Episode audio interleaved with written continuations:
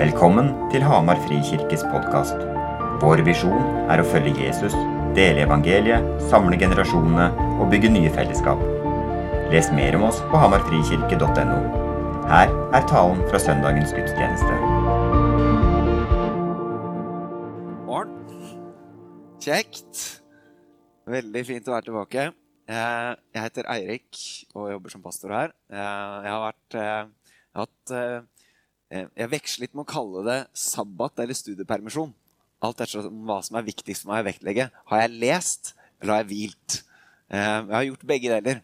Eh, Og jeg har, eh, jeg har lest eh, gode ting og inspirerende ting. eh, Og jeg har hvilt og vært søtte masse i stolen i stua. Så jeg hogg litt ved og gravd i jorda på småbruket. Eh, og så har jeg vært en tur i USA. Det har vært gode dager og, og en god tid. Um, jeg opplever at jeg, at jeg kommer tilbake på jobb med Eller uthvilt. Både fysisk, emosjonelt, åndelig. Um, og det tenker jeg Hvis en sabbat kan gjøre det, så er jeg fornøyd. Det, det tenker jeg, det er bra. Så bra prioritering, Eirik. Bra prioritering Hamar frikirke, som lar meg få lov til å gjøre det.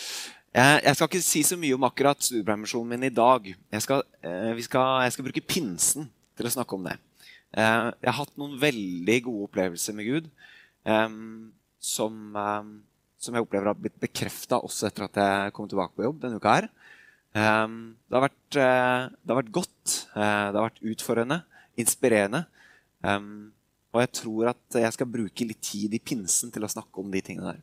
Så hvis dere ikke har planer i pinsen, så bør dere ha planer om å være i kirka i det minste. I pinsen. Et eller annet sted. Når en pastor drar med seg Concordie-formelen på scenen, da veit du at da blir det seriøst, vet du. Når Luthers bekjennelsesskrifter kommer fram på plattformen, da, da er det seriøst. Da er det alvor.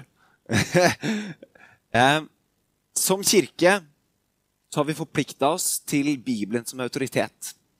Vi har forplikta oss til at det som står i, i, Guds ord, det ønsker vi å tro på. Vi bekjenner at det er sant, og vi tror det er liv i det. Men vi har også forplikta oss til å være i samtale med Luther og de andre kirkefedrene og de andre kirkemødrene når vi jobber med teologi. Og det er veldig lurt. Når jeg leser teologi og studerer Bibelen, så er det lurt å gjøre det sammen med andre. Ikke sant? Fordi jeg skjønner ikke alt. Og så har kirkehistorien vist oss at noen mennesker er lurt å være i samtale med når vi skal forstå Bibelen. Og Luther er en av de, sammen med andre kirkefedre og kirkemødre. For å prøve å forstå hva er det egentlig Bibelen sier.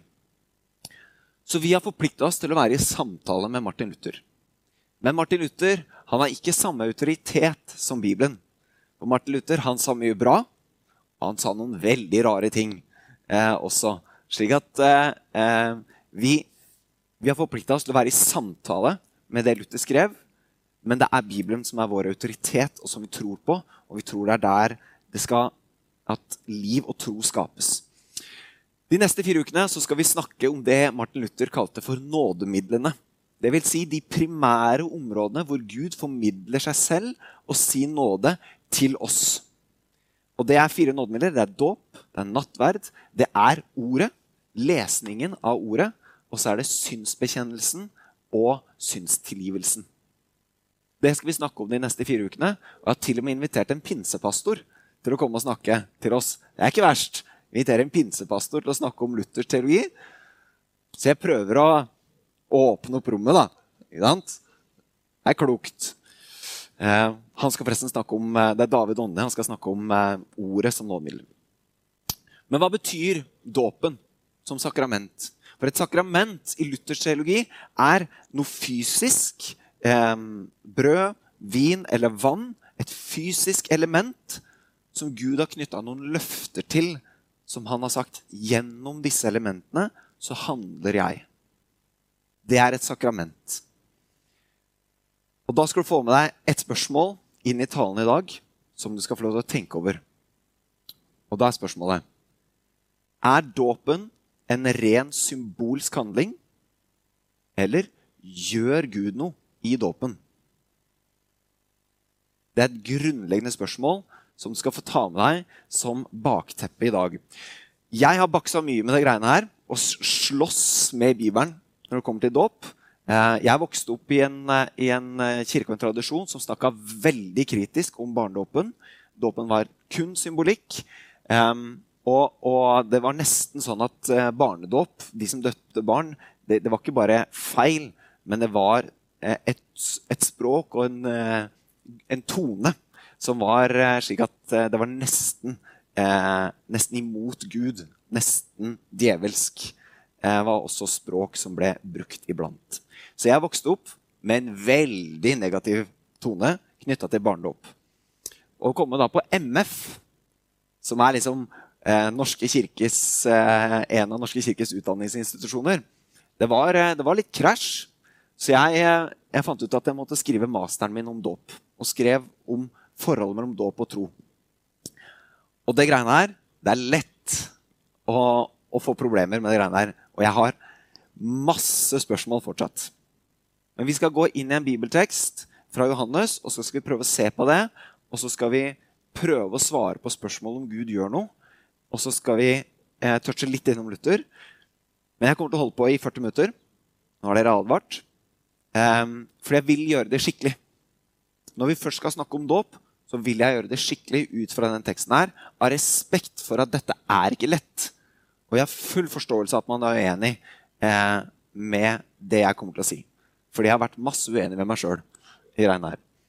Um, så det er lurt å ha en bibel klart, eller en bibelapp. Uh, vi skal være mye i Bibelen. Uh, og så er det lurt å senke forsvarsmurene eh, når vi skal snakke om dåp. For historisk sett så er dåp et tema som vekker sterke følelser. Så la oss senke murene.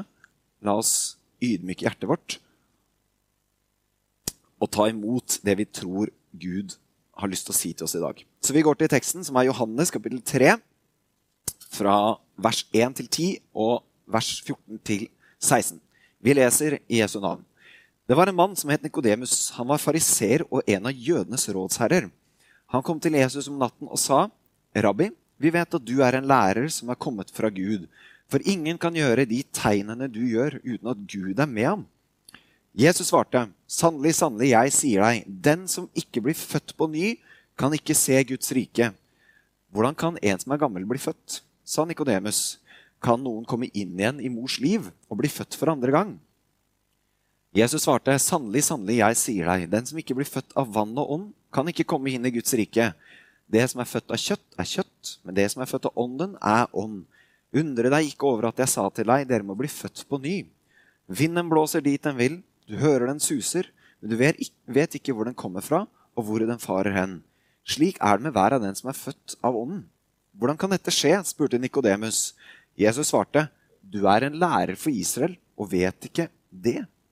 Så går vi til vers 13.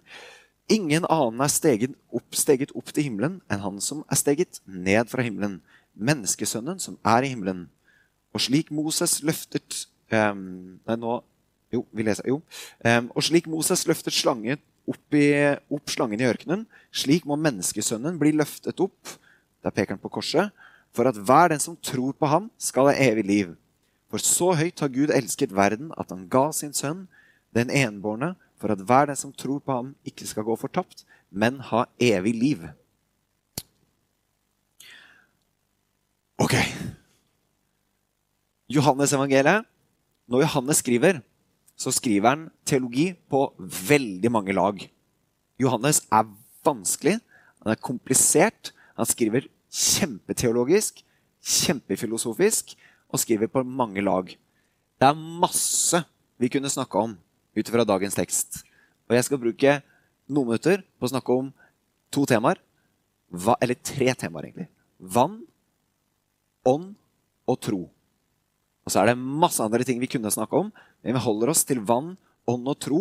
Og hvorfor det? Jo, fordi konteksten, kapitlene før og etter, legger opp til at Johannes prøver å si noe om vann, ånd og tro i disse versene. Og nå har jeg tatt skikkelig på meg lærerhatten og nerdehatten. Så kan dere gjøre det samme. Og så skal vi nerde i 30 minutter. Og så tror jeg at Jeg syns det er gøy, da. kan dere være med hvis dere vil og synes det er gøy. I kapittel 1, litt kontekst. I kapittel 1 så har noen av fariseerne, en, en gruppe lærde mennesker, eller lærde jøder, de har vært i dialog med Johannes døperen om hans dåpspraksis. Eh, der Johannes sier at 'jeg døper med vann', men det kommer en etter meg som skal døpe med Den hellige ånd. Så dåp, vann og ånd nevnes allerede i kapittel 1. I kapittel 2 så i forbindelse med et bryllup så tematiserer Johannes eh, renselsesritualer. Eh, vannkarene om, hvor vann ble omdanna til vin. Disse vannkarene det var eh, vann som ble brukt til å rense seg, både fysisk, men også åndelig. Det var renselsesritualer knytta til vann i den jødiske tro og tradisjon. Og disse ritualene plukkes på ny opp igjen etter vår tekst i kapittel 3, der eh, eh, Johannes, noen av Johannes sine disipler igjen diskuterer renselsesritualer sammen med noen av jødene. Og så kommer dåp på nytt som et tema i forbindelse med det. Så i første tre eh, begynnelsen av fire kapitlene i Johannes så er vann, ånd og renselse tematisk sterkt framme. Det er viktig for oss å henge med på. Og jeg kommer tilbake til hvorfor. Og La oss gå til teksten og se på noen konkrete vers. Det første verset vi skal se på, det er når Jesus sier til Nikodemus Sannelig, sannelig. Jeg sier det hver gang. Hver gang Jesus sier 'sannelig, sannelig', så må vi stoppe opp og lytte. For det er viktig.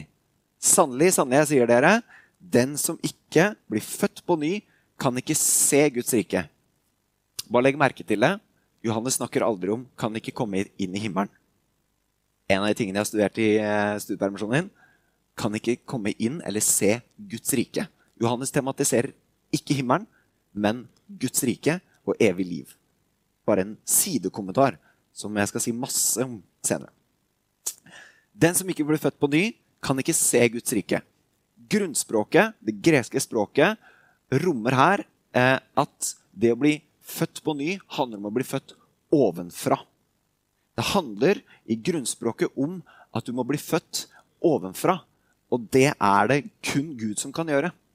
Og Det tematiseres også når det snakkes om at Jesus kom ovenfra, fra himmelen og ned.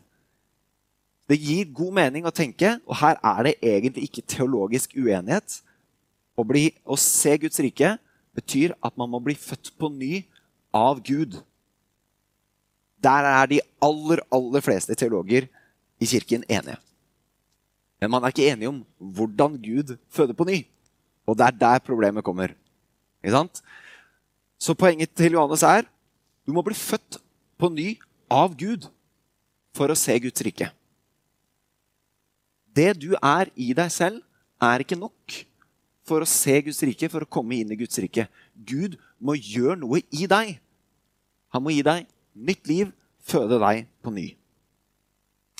Andre vers som vi skal se på, det er vers 5, der det står Sannelig, sannelig, jeg sier deg, igjen viktig, den som ikke blir født av vann og ånd, kan ikke komme inn i Guds rike.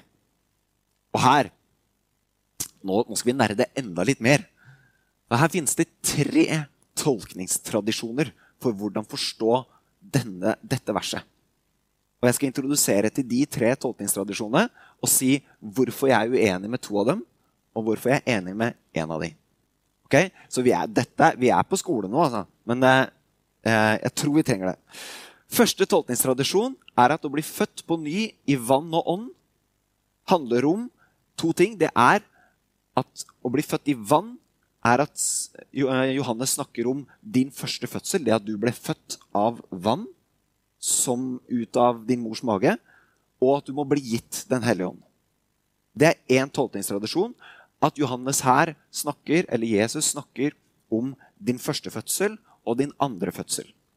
Dette er en litt nyere tolkningstradisjon, eh, spesielt framme i pinsekarismatiske og noen baptist-teologiske eh, tradisjoner. Hvor poenget er at Jesus snakker om den første og andre fødsel. Jeg mener at denne forståelsen bommer av to grunner. Fordi resten av evangeliene og resten av Bibelen tar det bare for gitt at du eksisterer som menneske. Så vil, hvis Jesus her snakker om, de, eh, snakker om den første fødsel, så er det helt unikt i, eh, i evangeliene. Det, er, det vil være det eneste stedet det står. Resten av evangeliene tar det for gitt at du er født og er et menneske. Og det betyr at hvis Jesus her snakker om at den første fødsel, det at du ble født av din mor, så vil det være et teologisk helt unikt poeng. Og da, da, må man henge Da må man stoppe opp og tenke hmm, Hvis det er noe som bryter, eller hvis noe kun står én gang, da må man tenke er det noe vi bommer her. Jeg mener at det tematiske bruddet gir ikke mening. Det er også et tematisk brudd fordi hele tekstens tyngdepunkt handler om at du må, du må bli født av Gud. Det er det det handler om. Så hvorfor snakker Jesus her da om at du må bli født av menneske? Når hele fokuset hans er på Gud, så gir det ikke mening at han også snakker om at du må bli født av menneske. Det gir, det så, for meg er det så tydelig at Johannes sikter inn på at det handler om at Gud må handle overfor deg, ikke hva din mor har gjort. Ikke sant? Så tematisk og eh, teologisk i evangeliene så vil det være et brudd, mener jeg, da, sånn med, med, det Johannes prøver å si. Eh, I tillegg så er denne tradisjonen veldig ny, og du finner ikke spor av den tolkningen i kirkehistorien før de siste par hundre årene. Okay? Så det er en veldig ny tolkningstradisjon. Andre tolkningstradisjon det er at vann og ånd er samme ting, og at vann symboliserer Den hellige ånd, og dette handler spesielt om det Jesus sier til Nikodemus, nemlig at Men du som er lærer, skjønner ikke du hva dette handler om? Og da må vi tenke ok, Jesus mener at Nikodemus han kan Gamletestamentet. Han burde skjønt dette. Da må vi gå til Gamletestamentet og se hva står om vann og Den hellige ånd i Gamletestamentet. Og da lander vi fort i Esekiel kapittel 36, vers 25-27. Der står det jeg stenker rent vann på dere, så dere blir rene. Jeg renser dere for all urenhet og for alle avgudene. Jeg gir dere et nytt hjerte, og en ny ånd gir jeg inni dere. Jeg tar steinhjertet ut av kroppen deres og gir dere et kjøtthjerte i stedet. Jeg gir min ånd i dere og gjør at dere følger forskriftene mine, holder lovene mine og lever etter dem. Så Det man mener her, er at Jesus spiller på disse versene fra Esekiel for å vise at nå skjer det Esekiel snakker om, at Gud gir sin ånd, og at vannet symboliserer Den hellige ånd. Det er den ene tolkningstradisjonen. Dette var det jeg sjøl mente i veldig lang tid. Og et av hovedargumentene mine for at dette eh, var riktig, er fordi i resten av Johannes-evangeliet så brukes vann som et symbol på Den hellige ånd. For det, det er tydelig etter kapittel 4 og utover så snakker Johannes primært om vannet, om Den hellige ånd. Så hvorfor skulle dette handle om noe annet når så mye i Johannes snakker om eh, vann og ånd? Så jeg mente at det, nei, det gir god mening å tenke at vannet symboliserer Den hellige ånd. Så grunnen til at jeg ikke er enig med meg sjøl lenger, da, eh, handler om tre ting. Eh, dere, jeg fòrer dere nå med masse og så skal dette ligge på podkast i YouTube, så kan dere komme igjen og pugge det greiene jeg sier. For det første, en av grunnene til at jeg ikke er enig med meg sjøl, er for jeg syns språket virker overdrevent dersom det ånd og vann er samme ting. Fordi vi veit at hvert ord er viktig i Skriften fordi det var dyrt å skrive, og det var eh, dyrt med papir, slik at de, alle ord er der med en hensikt. Ikke sant? Så når det står 'vann og ånd', sånn retorisk sett og skriftlig sett, så ville det gitt mer mening om det bare sto 'ånd'. Hvis hensikten var at nei, det handler om Den hellige ånd, ikke om vannet i seg selv. Så vann og ånd syns jeg gir eh, Jeg syns det virker litt anstrengt å si at dette handler om samme ting, når det språklig sett og sånn i skrifttradisjonen, hvordan man skrev skriftene, ville vært så veldig nøye med hva slags ord man faktisk brukte. Hvorfor en slik overdrivelse? Nemlig bruke to ulike ting, to ulike ord om samme ting. Det er den ene grunnen. Um, så poenget mitt er at det hadde holdt å si enten vann eller ånd. Men jeg mener at i og med at det står vann og ånd, så ledes jeg til å tro at det er snakk om to ulike ting her. Det er den ene grunnen. Den andre grunnen er at som jeg sa, Johannes kapittel 1 til og med begynnelsen av 4 tematiserer vann, renselse og Den hellige ånd. Og der er det snakk om ikke symbolsk vann, men fysisk vann. Så det er ikke et temamessig brudd med Johannes dersom vannet ikke faktisk snakker om vann. Okay? Så jeg, jeg, jeg, er uenig med meg sjøl i det at nei, det er ikke et temamessig brudd. da. Og Den tredje grunnen er nemlig det at kirkefedrene, flere av kirkefedrene som snakker om dåp på 100-tallet og 200-tallet etter Kristus, forstår disse ordene til å gjelde dåp og Den hellige ånd. Okay? Så kirkefedrene tolka det annerledes enn jeg. Og det var spesielt eh, Jon Calvin da, som kom etter Martin Luther, som kom med denne tolkningstradisjonen. Jeg kommer tilbake til det med kirkefedrene. Ok, Henger dere med? Da har vi gjennom to tolkningstradisjoner at vann symboliserer den første fødsel, eller at vann symboliserer Den hellige ånd. Og Så kommer vi til tredje tolkningstradisjon, nemlig det at å bli født på ny i vann og ånd sikter til at Gud føder oss på ny gjennom dåpen og Den hellige ånd ved tro. Okay? Det er den tredje tolkningstradisjonen. Og nå kommer grunnene til hvorfor jeg mener dette er den riktige tolkningstradisjonen.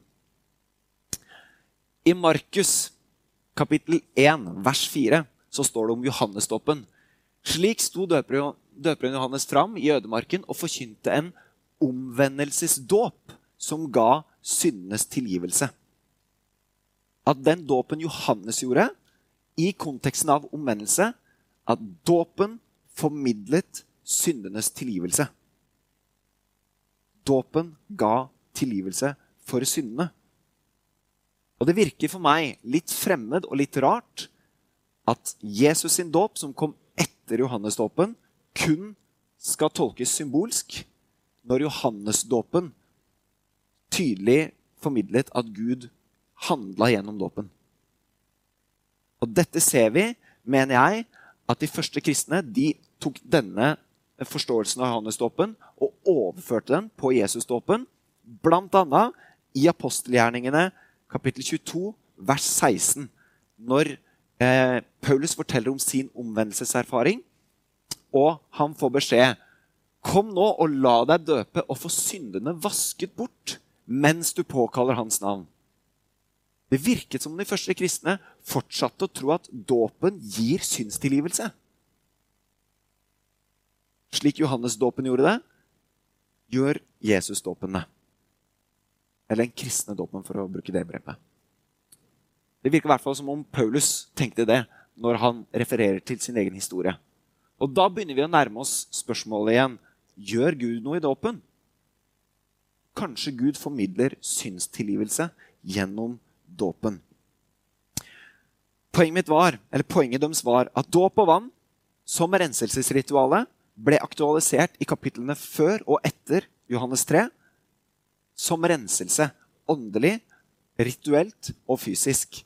Dermed så gir det mening at vann knyttes til renselse eller tilgivelse. I hvert fall når Johannesdåpen gjorde det. Og det ser ut som at de første kristne fortsatte denne tradisjonen.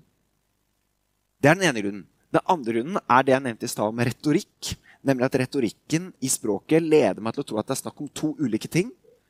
Den tredje grunnen er at de fleste av kirkefedrene på 100-tallet og 200-tallet, når de skrev om dåp, så skrev de om dåpen som om Gud gjorde noe.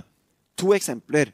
Justin Martyr som levde fra år 100 til år 165, skriver om dåpen som fornyelse, gjenfødelse, bl.a. ved å henvise til Johannes kapittel 3. Dette er også de første generasjonen kirkefedre og lærere etter apostlene. Tertulian, som levde i år 160 220, beskriver dåpen som en vasking av syndene, der man blir satt fri og får evig liv. Flere av kirkefedrene tok altså dåpen til å handle om gjenfødelse, vasking, synstilgivelse. Med andre ord, de trodde Gud gjorde noe. Men de var ikke enige om det var riktig å døpe barn. For det er et annet spørsmål som kommer i forlengelse av dette. Det skal jeg ikke snakke så mye om i dag.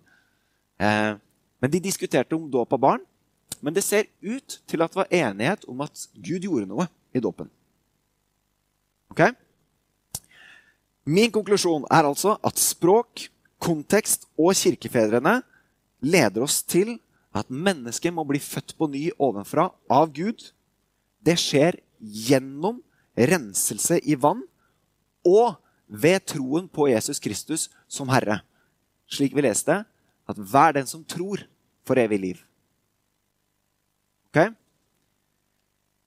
Dermed så skiller dåpen, Jesus sin dåp seg fra de jødiske renselsesritualene og fra Johannesdåpen ved at den bringer gjenfødelse fra Gud, og at denne gjenfødelsen må innebære tro på Jesus for at den skal ha effekt.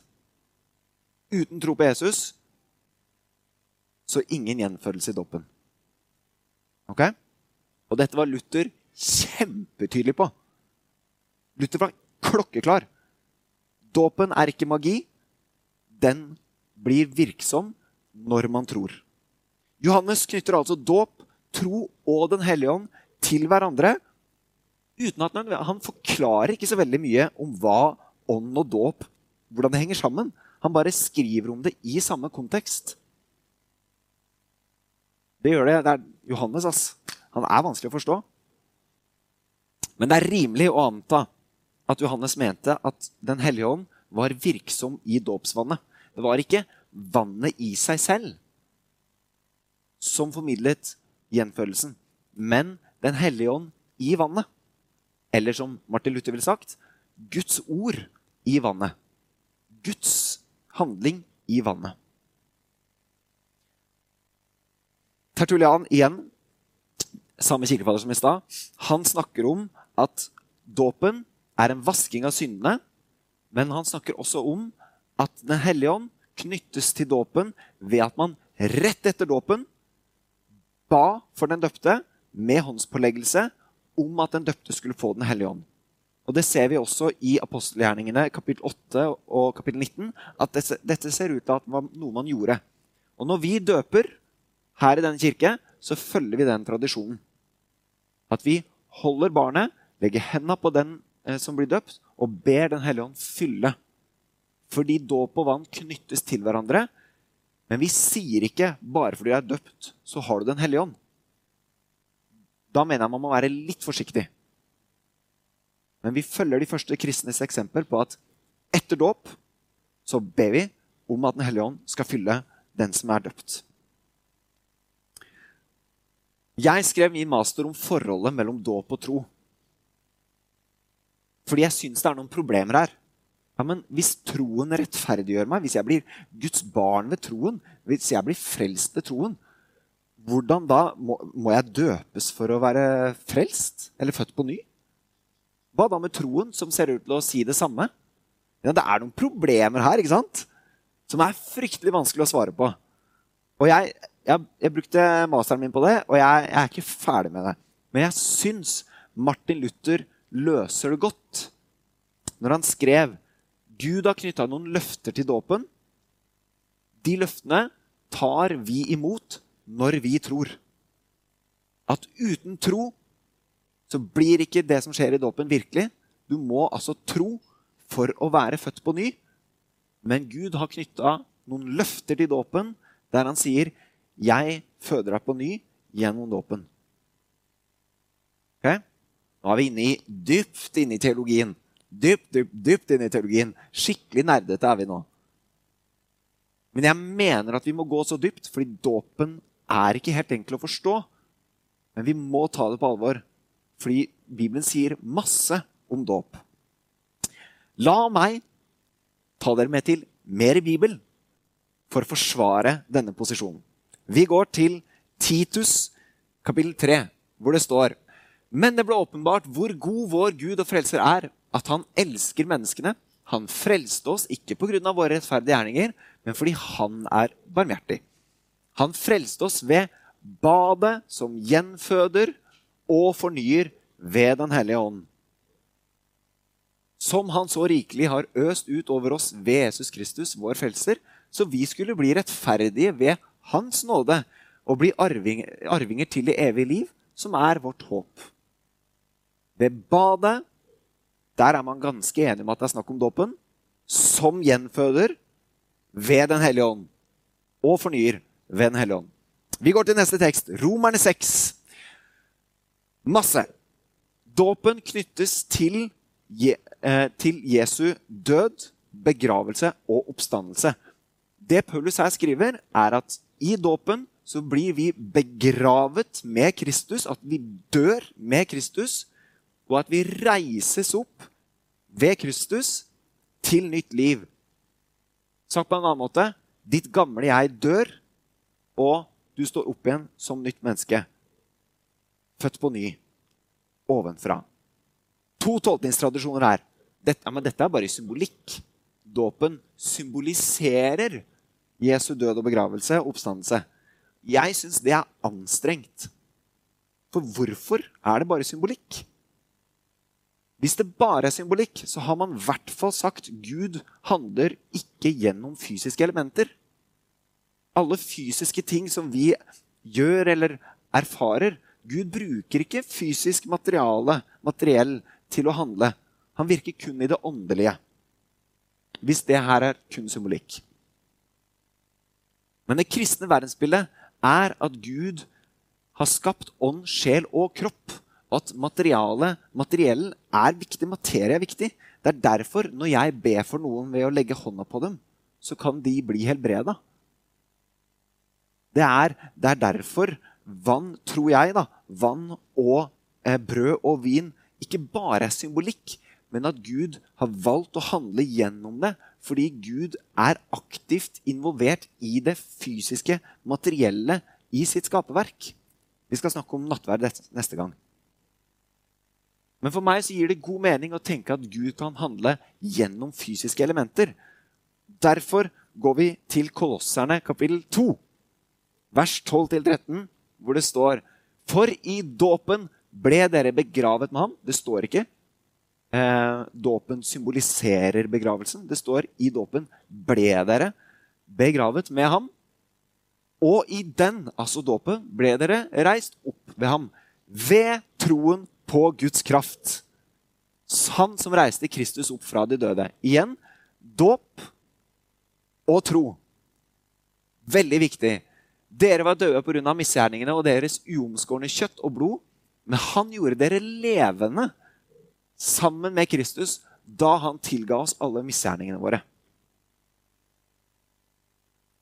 Dåp som begravelse og oppstandelse fra død til liv.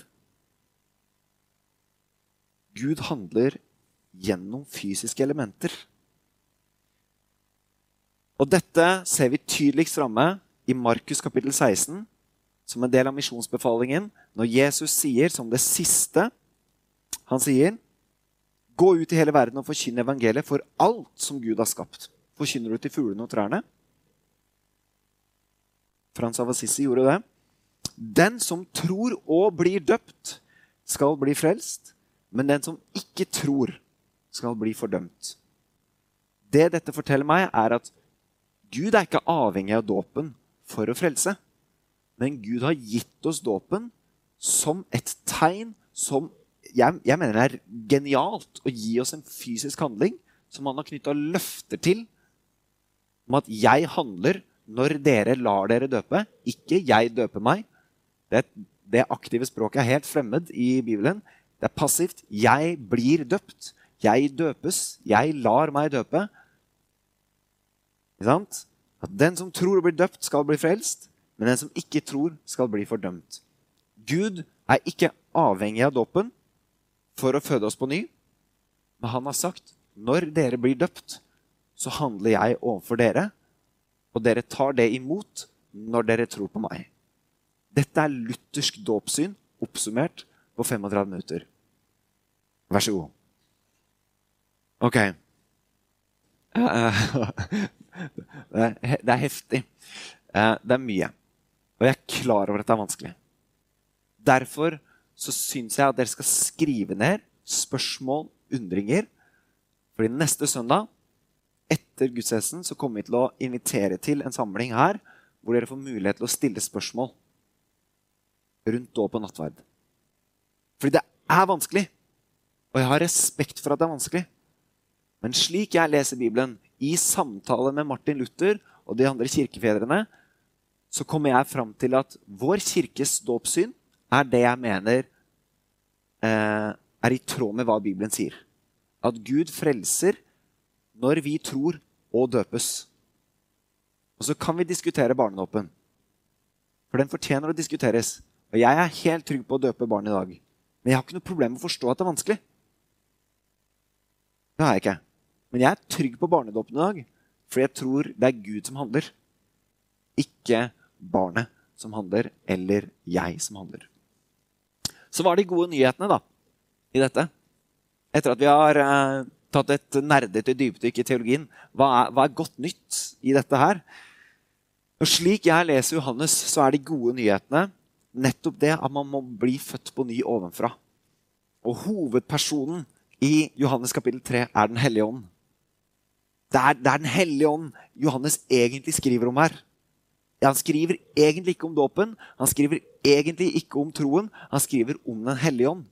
At Den hellige ånd er den som er virksom, at vi må bli gitt Den hellige ånd, at vi må bli født på ny i Den hellige ånd. Og når det skjer, så blir vi gjort nye og levende i Jesus Kristus. At det er Den hellige ånd som formidler gjenfødelsen i dåpen. Det er Den hellige ånd som skaper troen, som gjør at vi blir frelst. Slik Kristus kom ovenfra for å innstifte Guds kongerike, for å dø på korset for våre synder og seire over døden. Slik må vi bli født ovenfra. Og slik Kristus sto opp fra de døde, så må vi stå opp til nytt liv. Og slik Kristus lever i dag, slik må vi leve i det nye livet i dag. Ved Den hellige ånd, ved troen på Jesus som konge. Og det skjer i dåp og tro, og alt er av nåde. Alt er av nåde. Vi kan ikke gjøre noe som helst for å fortjene det. Vi kan ikke gjøre noe som helst for å hjelpe til. Men ved troen, ved dåpen, så kan vi ta imot den nåden. Alt er en gave fra Gud og det skjer ved Den hellige ånd, som handler i oss for å vise hvem Jesus er, og at Jesus faktisk er konge. Og at Jesus han har innstifta sitt kongerike. Guds rike er her, her og nå. Og en dag så skal han gjøre det helt og fullt når han skaper en ny himmel og en ny jord. Det er de gode nyhetene. Og midt i det så står dåpen som et sted hvor vi får ta imot dette. Ok?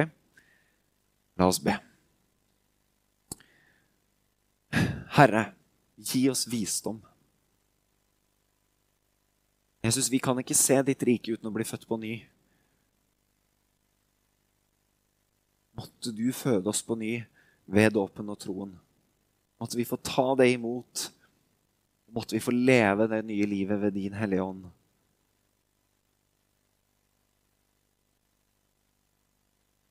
Så takker vi deg for dåpen, sjøl om vi kanskje er forvirra. Så takker vi deg for nattverden som vi skal få ta imot. Og vi ber skap liv og tro i oss. I Jesu navn. Amen.